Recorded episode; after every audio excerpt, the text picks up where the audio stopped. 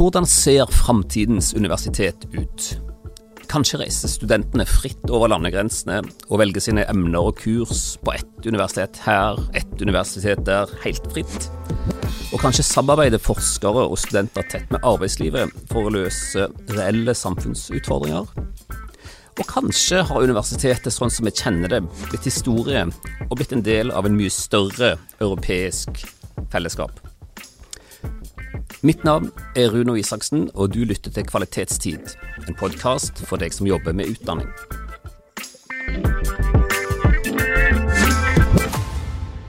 Vi skal snakke om Framtidsuniversitetet.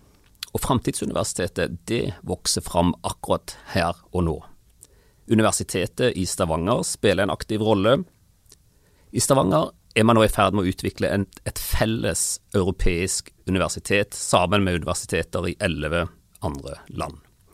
Universitetet i Stavanger og partene har fått hele 50 millioner kroner fra EU for å utvikle et slikt felles European University, som det heter. Med meg i Kvalitetstid har jeg tre spennende gjester fra Universitetet i Stavanger. Astrid Birgitte Eggen, prorektor for utdanning, velkommen. Takk skal du ha. Dag Husebø, førsteamanuensis i utdanningsvitenskap, velkommen til deg òg. Mange takk. Og Tim Marshall, som er student i lesevitenskap, velkommen så mye. Hei, tusen takk. ECIU University heter dette ambisiøse felles European University som dere nå utvikler på Universitetet i Stavanger, i Stavanger sammen med partnere over hele Europa. Astrid, som prorektor for utdanning, så er du øverste ansvarlig for denne store satsingen på Universitetet i Stavanger. Jeg har lyst til å spørre deg aller først en liten utfordring. Hvis vi beveger oss ti år fram i tid, hvordan ser Universitetet i Stavanger ut da? Hva er liksom de største endringene fra i dag? Jeg tror at de største endringene på vårt universitet, og for så vidt de fleste universitet, vil være at vi har eh, ganske mye mer internasjonalt samarbeid. Eh, jeg tror at vi har mange flere studenter som ikke er i typisk studentalder, men som har noen års yrkeserfaring bak seg.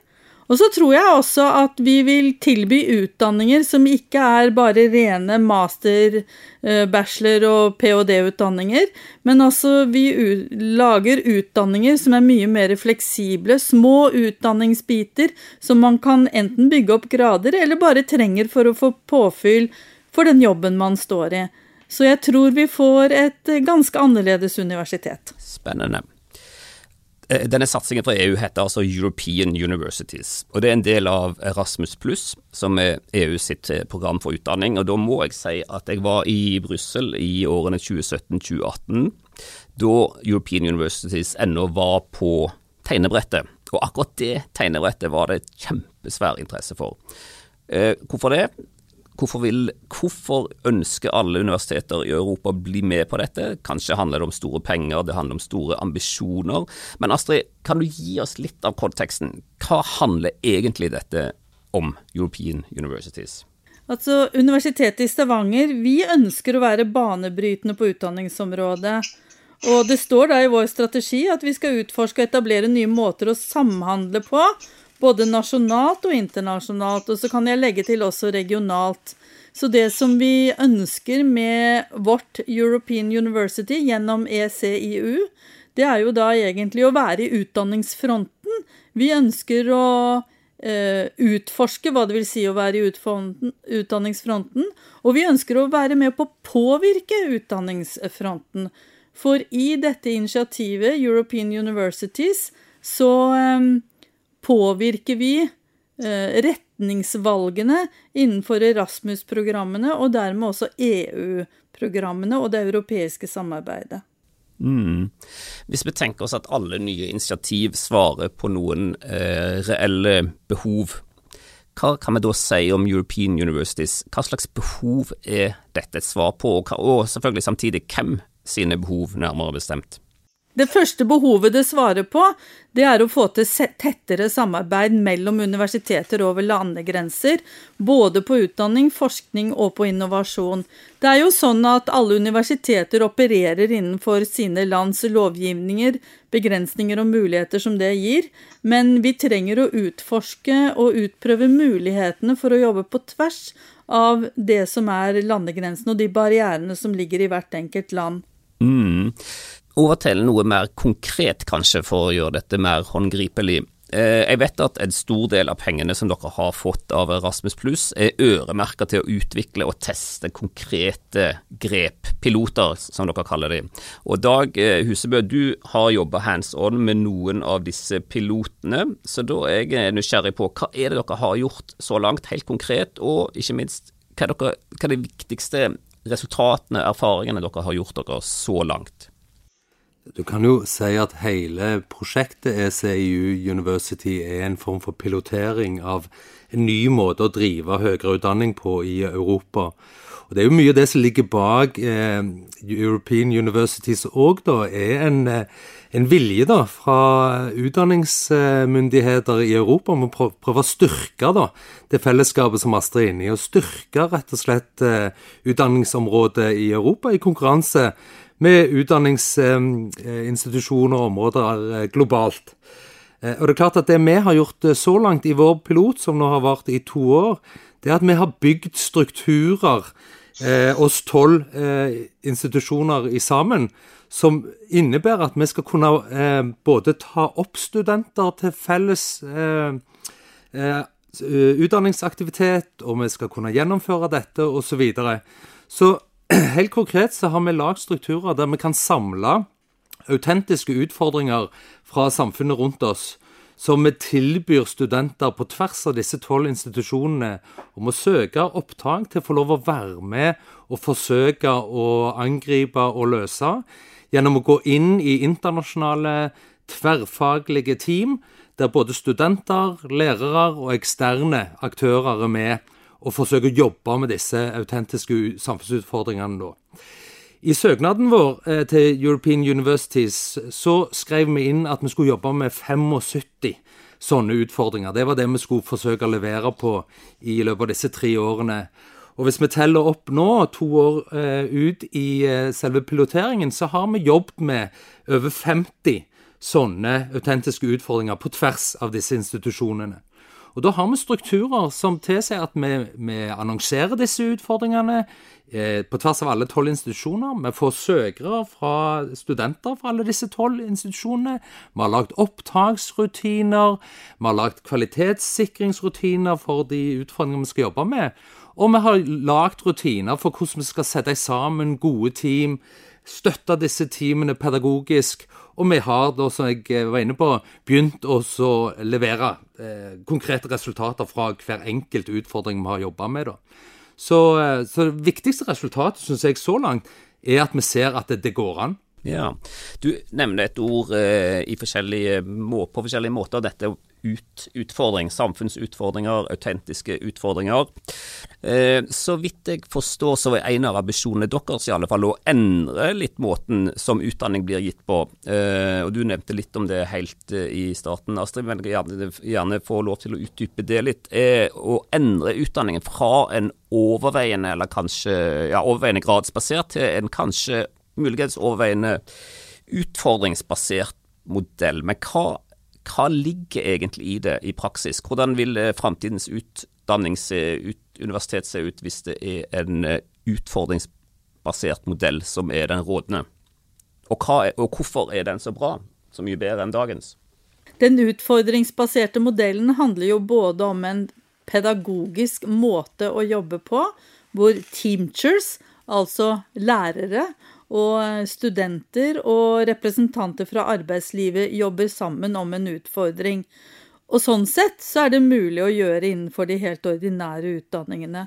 Men det vi gjør her, det er da å lage mindre utdanningsenheter med uh, ganske få studiepoeng, egentlig.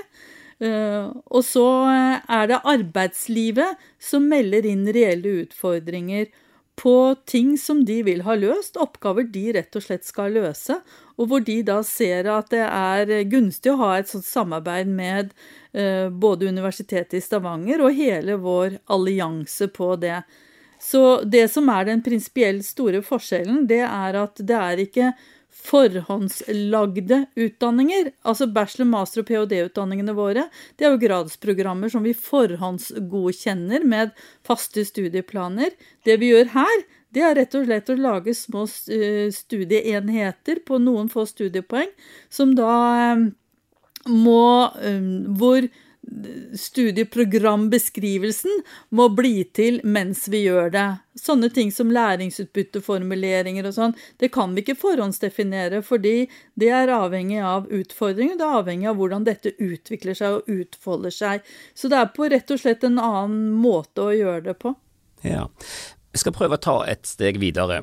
Eh, og jeg lurer på hvordan ser framtidens universitet ut for morgendagens ledere, altså de som er studenter i dag?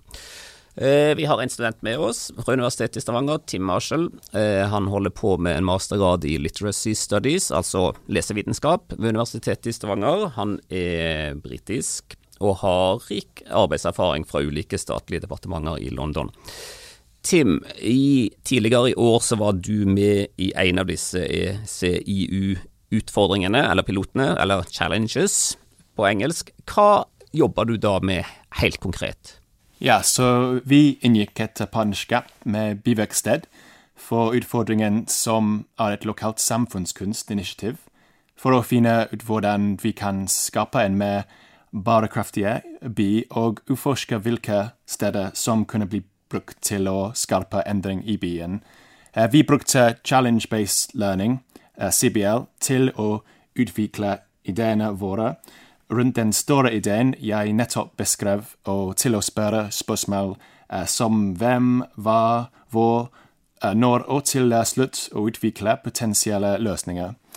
For denne siste fasen brukte vi kreative verktøy som Six Thinking Hats-modellen.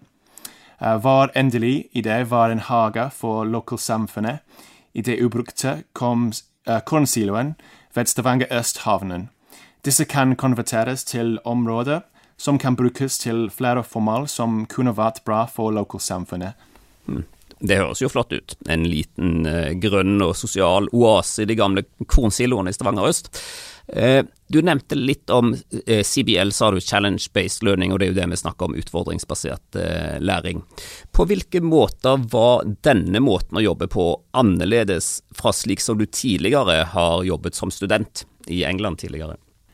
I forhold til studiene mine er CBL en veldig annerledes pedagogisk modell som fokuserer på tankeprosessen og uh, samarbeidet heller enn individuell fremgang og utforskning. Jeg ville sammenlignet den mer med bakgrunnen min fra public policy, uh, hvor jeg har brukt forskjellige arbeidsmetoder som SWOT og PEST-analysen. Um, sammenlignet med arbeidet mitt fra forløpt CBL, meg være mer kreativ og teoretisk heller enn begrenset til arbeidslivets praktiske deadlines leveranse og kostnader for prosjekt. Ok, Så mer samarbeid, mer kreativitet enn i vanlige studier, blant annet. Eh, alt i alt, hvis du skulle oppsummere, hva var det aller mest givende for deg med denne erfaringen?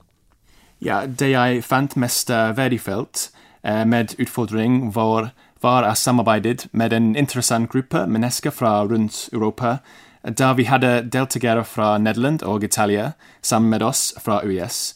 Eh, jeg synes det var veldig spennende å treffe de som var her i Stavanger for å utforske byen og se det urbane miljøet fra et annet perspektiv.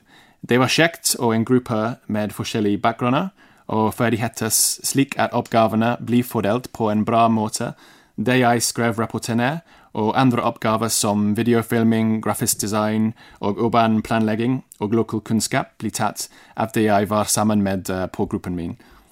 Eh, Dag, du har i en tidligere sammenheng sagt at på framtidens universitet eh, så ligger det som et viktig premiss at alle er lærende, altså ikke bare studenter, ikke bare studentene som skal lære, men også de ansatte og også eh, samarbeidspartnerne deres ute i næringslivet eller offentlig sektor.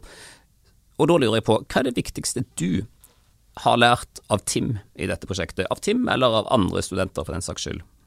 Nei, altså det, det jeg syns er så spennende med å få jobbe i sånne både tverrvitenskapelige grupper og på tvers av studenter og lærere og, og, eksterne, er jo at vi har utrolig mye å lære av hverandre. Eh, og det er enormt spennende når en kommer sammen sånn og ser så tydelig alt det studentene har med seg av kunnskaper fra de vitenskapsområdene de kommer fra, som ikke er nær sagt mitt vitenskapsområde, og hvordan de kan da eh, på tvers av disse befrukte og gi ny kunnskap eh, på måter som jeg aldri eh, Eller hvis det hadde vært en mer monovitenskapelig gjeng, ville ha klart å, å satt i gang, da. Eh, jeg ser jo òg veldig tydelig at eh, disse studentene som har vært med nå, eh, spesielt i våres, at de ønsker å ta ansvar. Og at når de får ansvar for å være med og påvirke den pedagogiske prosessen, så tar de plass. Eh, og de viser en ny plass og måte å gjøre ting på. Som f.eks. måten de ønsker å kommunisere på. Eh, hvilke plattformer de vil kommunisere på. Tid de jobber, og hvordan de jobber sammen. er veldig sånn eh, Ja, åpner opp noen øyer for oss. At hvis det er alltid universitetslæreren som definerer prosessene, så går vi glipp av òg noen veldig kreative og viktige stemmer som kommer fra de som er yngre enn oss. og så ser vi allikevel at de trenger noen rammer, de trenger noen veiledere. De trenger noen som kan lede denne felles læringsprosessen. Og Der har vi utvikla dette konseptet som Astrid var inne på, som vi har definert som Team Chairs. Altså noen som kan fasilitere den eh, felles læringsprosessen som foregår da. Eh, så ja. Vi lærer utrolig mye av å bli kjent med studentene, og først da vet vi òg hvordan vi skal kunne veilede dem videre ut fra hva type forutsetninger de har. Hmm. Jeg, prøver å, jeg, prøver å, se for meg framtidens universitet, og jeg prøver å se for meg hva det kan ha å si for, for mannen i gata, for, for meg f.eks. Eh, dette som er blitt nevnt med å utvikle eh, mikrokurs, mindre kurs, eh, kan det være nyttig for hvem som helst? F.eks. sett at jeg har et konkret behov. Eh, sett at jeg skal f.eks. starte en bedrift og så har jeg behov for å oppgradere min egen kompetanse på et eller annet område, f.eks. design thinking. Kan jeg da gjøre ett av to, eller begge deler? A. Kan jeg, hvis jeg har et reelt behov, kontakte Universitetet i Stavanger og melde inn min bedriftsutfordring, og dermed invitere forskerne deres og studentene deres inn for å løse denne utfordringen sammen med meg? Eller B. Kan jeg i stedet for å gjøre det, kjapt og enkelt ta et kurs hos dere. Et kurs som gir både kunnskapen som jeg trenger, og kanskje til og med minikvalifikasjoner, altså i form av studiepoeng. Eller kan jeg gjøre begge deler? Ja, Svaret er jo egentlig ja takk til begge deler der, og vi sier ja takk til begge deler fordi vi trenger studenter som er dedikerte studenter og tar en etter- og videreutdanningsenhet. Men vi trenger også studenter som eh, som da er lærende i den arbeidssituasjonen de står i, og hvor de ønsker et påfyll av læring, og gjerne da sammen med sine arbeidskollegaer. Så begge disse veiene tror jeg en, vil være en større del av eh, fremtidens uh, universitet, og da snakker vi jo livslang læring. Vi snakker om at uh, alle trenger et kompetansepåfyll gjennom hele arbeidslivet vårt. Det er, det er også noe av det som er det interessante med det som Tim sier, tenker jeg. Fordi det som Tim legger vekt på, det er jo egentlig de kompetansene som vi alle trenger. Uh, samhandling, samarbeide. Det er kompetanse for fremtiden, eller det vi ofte, ofte kaller for generiske ferdigheter. Og det å få liksom kompetanse på fyll der, det vil vi alle ha behov for gjennom hele arbeidslivet. Da tolker jeg det sånn at universitetene i framtiden blir åpnere, eh, både for, eh, for arbeidslivet og for eh, ja, både for arbeidslivets behov for å melde inn og jobbe i samarbeid med universitetene om å finne svar på reelle løsninger, og for egen oppgradering av ansatte.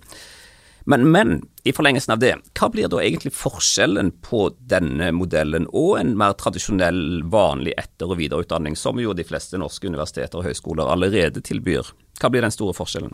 Altså, jeg tror for det første at våre ordinære gradsprogram kommer til å bestå. Men jeg kan nok tenke meg at det vil være en større andel av studentene som vil ta også da gradsprogram som en slags videreutdanning for dem selv, da. Men våre etter- og videreutdanninger de vil også bestå som eksternfinansierte utdanninger.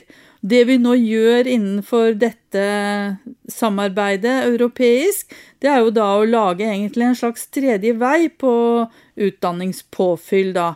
Uh, som uh, vi også må finne, finansiering for.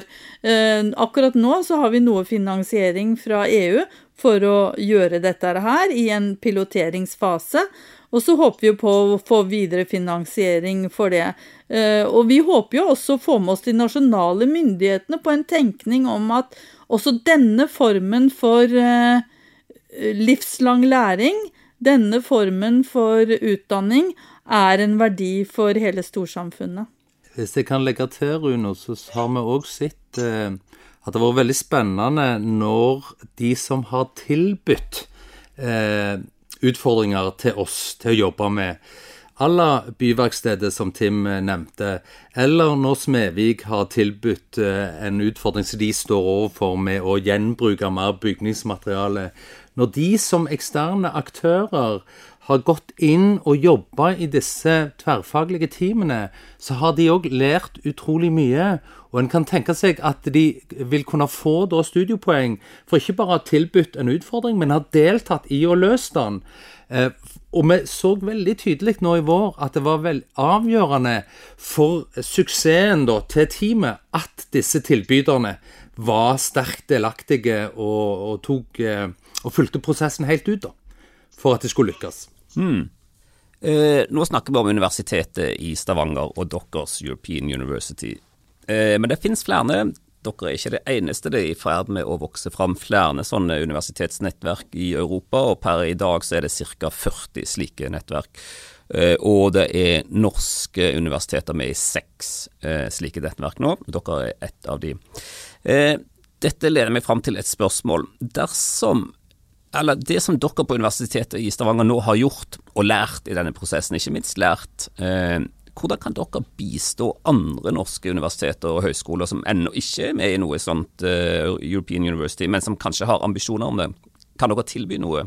Eh, ja, det kan vi absolutt. Altså de fem uh, norske universitetene som er med i, eller, og høyskolene som er med i allianser som har fått midler nå, av de 41 du nevnte, så har vi jo allerede flere samsnakkingsarenaer og ikke bare med dem, men også med eh, direktoratene våre.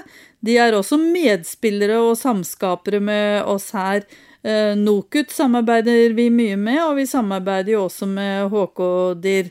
Eh, og KD tar også kontakt med oss. Og det som vi da ofte gjør i disse mm, eksterne relasjonene, da, det er jo at vi snakker nettopp om mye av de erfaringene vi har gjort. Og da er det jo erfaringer som går på det å um, rett og slett rigge den type utdanning, um, som var noe av det som Dag nevnte.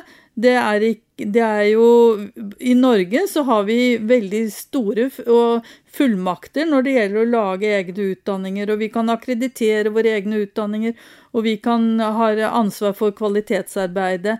I, den, I europeiske allianser så er det jo ikke sånn, fordi at der i vårt nettverk så er det jo da tolv ulike lands styringssystemer representert. Så det vi da gjør, det er jo å prøve å synkronisere disse ulike lands styringssystemer, sånn at vi i fellesskap kan få til noe innenfor vår allianse. Og det er et arbeid som eh, hvor vi høster noen erfaringer med. Det er ganske mange barrierer, men det er interessant arbeid også. Og de erfaringene vi høster der, sånn, det diskuterer vi da med de andre universitetene og høyskolene i Norge som er med, og vi diskuterer det med HK-DIR og NOKUT og KD. Og det, det er jo egentlig det som ligger litt noe av det som ligger å være i utdanningsfronten her, å være med på å definere utdanningsfronten. Hvordan skal vi bygge broer over disse landsbarrierene som eksisterer? Ja, Du nevnte barrierer, og du nevnte at det er tolv forskjellige europeiske land. og Det er altså land spredt over hele Europa, fra Portugal til Finland og Nederland og Ir Irland og i det hele tatt. Er den aller største utfordringen dere står overfor, er det nasjonale ulikheter i utdanningspolitikk, eh, eller er det andre større utfordringer i dette samarbeidet? Det er klart, um, i sånne internasjonale samarbeider så handler det både om dette her som er strukturer, men det handler jo selvfølgelig også om kulturforskjeller. Og at man har, eh, må jobbe ganske mye for å finne fram til det som er eh, fellesnevneren mellom såpass ulike universiteter. Men det er klart at hvis vi skal få mer mobilitet, hvis vi skal få til mer forsknings- og innovasjonsprosjekter på tvers av land, hvis vi skal i det hele tatt klare å ha enda mye tettere samarbeid, så er det den Det er det det koster. Og så erfarer vi jo også at vi har noen gevinster her, da. Vi gjør jo det. Hva er de viktigste gevinstene, sånn som du ser det som prorektor for utdanning? Jeg tror de største gevinstene er at vi får egentlig en slags forståelse av de ulike universitetenes situasjon. Eh, vi, får, vi har jo så langt kjørt eh, eller fått bevilgning til tre store forsknings-innovasjonsprosjekter. Det hadde vi ikke fått til hvis ikke vi var med i, i denne alliansen. Eh, så vi, vi, får til ganske mye. Altså vi har vi har også kjørt lederopplæring, vi har kjørt universitetspedagogiske tiltak. Altså vi, mm, vi får til mye samarbeid som ikke er eh, det vi har snakket om mest fram til nå, altså innenfor European University-tenkningen, ECU University, vi får til mye samarbeid som også er i alle de andre samfunnsoppgavene vi har eh, ved et universitet. Og det er klart at det er en kjempefordel for oss. Og med et European University så er det sånn nå at eh, fra EU-kommisjonen at også en del forskningsmidler og forskningsutlysninger um, går den veien. Så det er helt tydelig at EU satser nå på å lage sterkere og sterkere allianser, og at det er veien til både uh, forskningsinnovasjon og utdanningssamarbeid Mm. Ja, det har jo lenge vært eh, politisk eh, trykk både i Norge og i Europa for å få bedre koblinger mellom utdanning og forskning, og det høres ut som dere har eh, klart å få til noe der, med, med store forskningsbevilgninger. Og i kjølvannet, eller i utløp fra, fra, dette European University. Men det jeg har lyst til å spørre deg, Dag. Eh, Universitetet i Stavanger har jo jobba som, som, de aller fleste norske universiteter, det er ikke det, har jobba internasjonalt i mange, mange år. Og Universitetet i Stavanger har, har, deltatt i masse ulike prosjekter i regi av, av Erasmus pluss òg, over mange år. Akkurat dette prosjektet, eh, European University, det er jo nytt. Det har dere holdt på med i, eh, i to år ca. Det er jo et helt ferskt initiativ fra EU.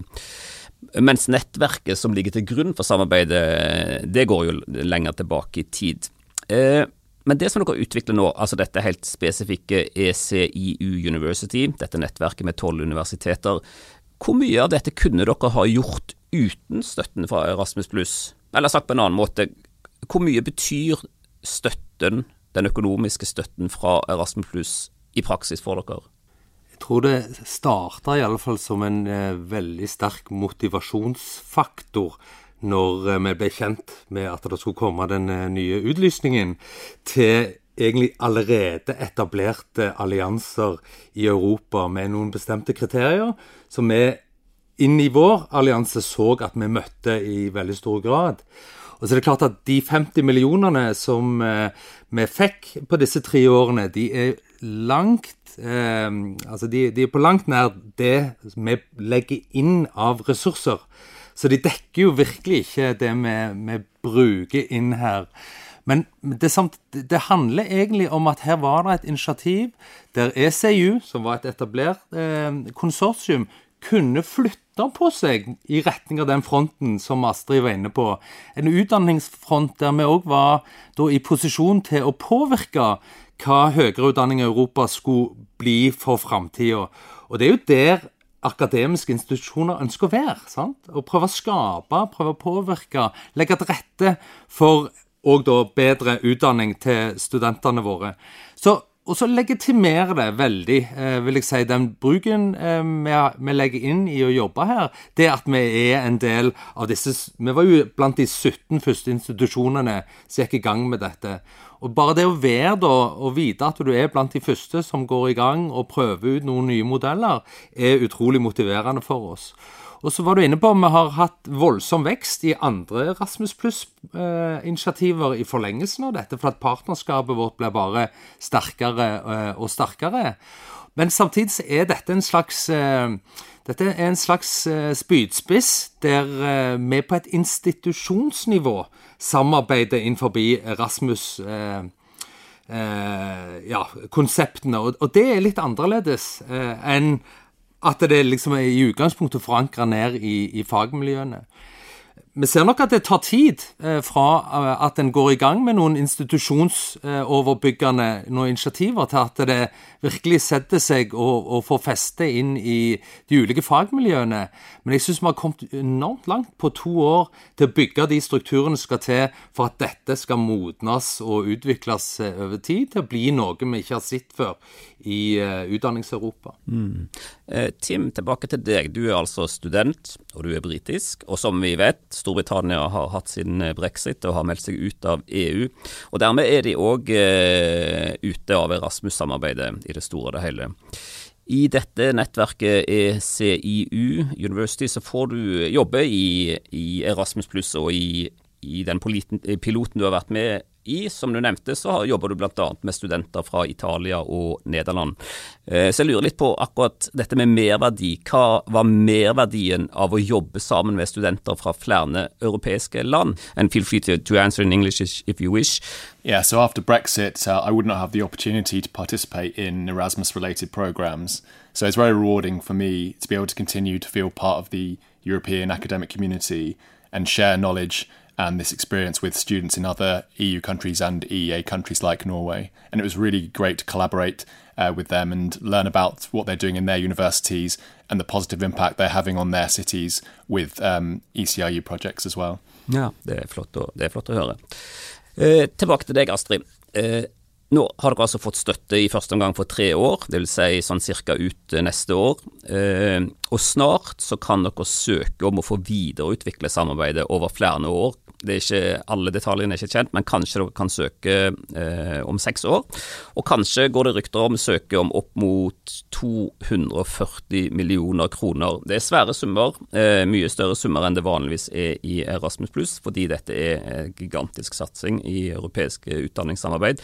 Men så, hvis, dere, hvis dere får tildelt tilnærmelsesvis så store midler, hva blir visjonen da?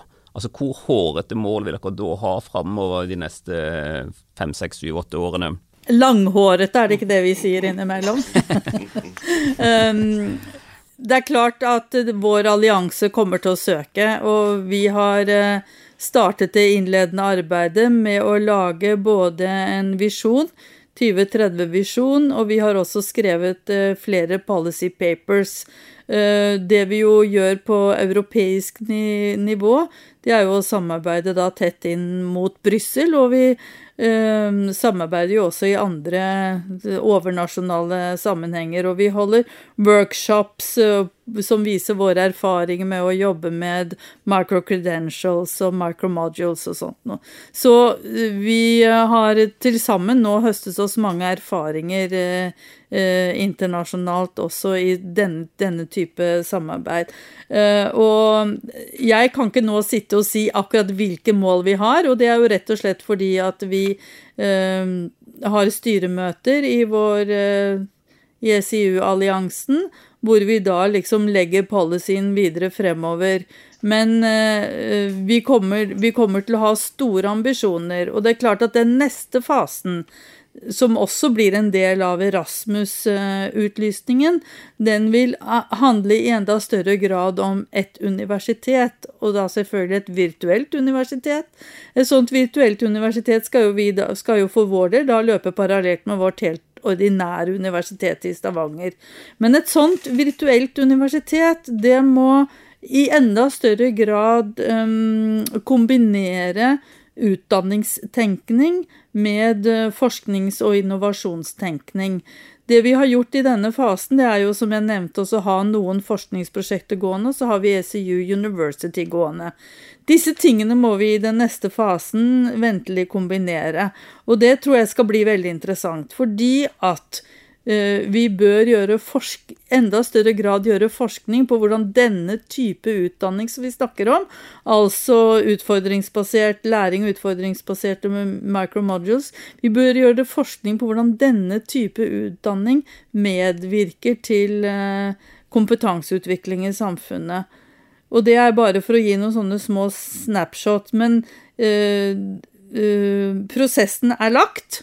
Og vi er eh, virkelig søknadsklare i, i, denne alliansen. Og vi er nok Vi er jo også ganske optimistiske, det må jeg si.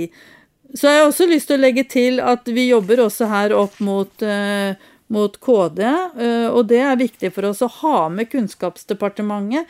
Kunnskapsdepartementet har vist gjennom sine innspill til Rasmus pluss at de støtter initiativene våre, de følger oss på hvilke erfaringer vi gjør, men vi skulle gjerne også sett at de støttet det økonomisk eh, fra nasjonalt nivå for å vise at de synes at det er viktig at Norge er med. Det er andre nasjonale myndigheter som gjør det, og det skulle vi også gjerne sett. Nettopp av den grunnen som Dag nevnte, at det jo, det ligger en del penger i sekken nå fra EU, og vi legger mye inn fra eget universitet også. Eh, men det er klart at det dekker ikke de kostnadene som er der. Det koster mye å være i utdanningsfronten, og vi vil gjerne være der. Og vi håper at HK-DIR eh, og NOKUT og KD er med oss. Tusen takk til Astrid Birgitte Eggen, Dag Husebø og Tim Marshall for at dere ville være med i denne podkasten og dele av deres kunnskaper og erfaringer. Og lykke til med alt videre arbeid. Takk også til deg som har lytta til denne podkasten. Jeg håper du har lært noe nytt. Mitt navn er Runo Isaksen, og du har hørt på Kvalitetstid, en podkast for deg som jobber med utdanning. Har du kommentarer eller spørsmål til denne episoden, så ta gjerne kontakt med oss. Post at hkdir.no. Post at hkdir.no. Og vær på utkikk etter nye episoder av Kvalitetstid. Vi høres.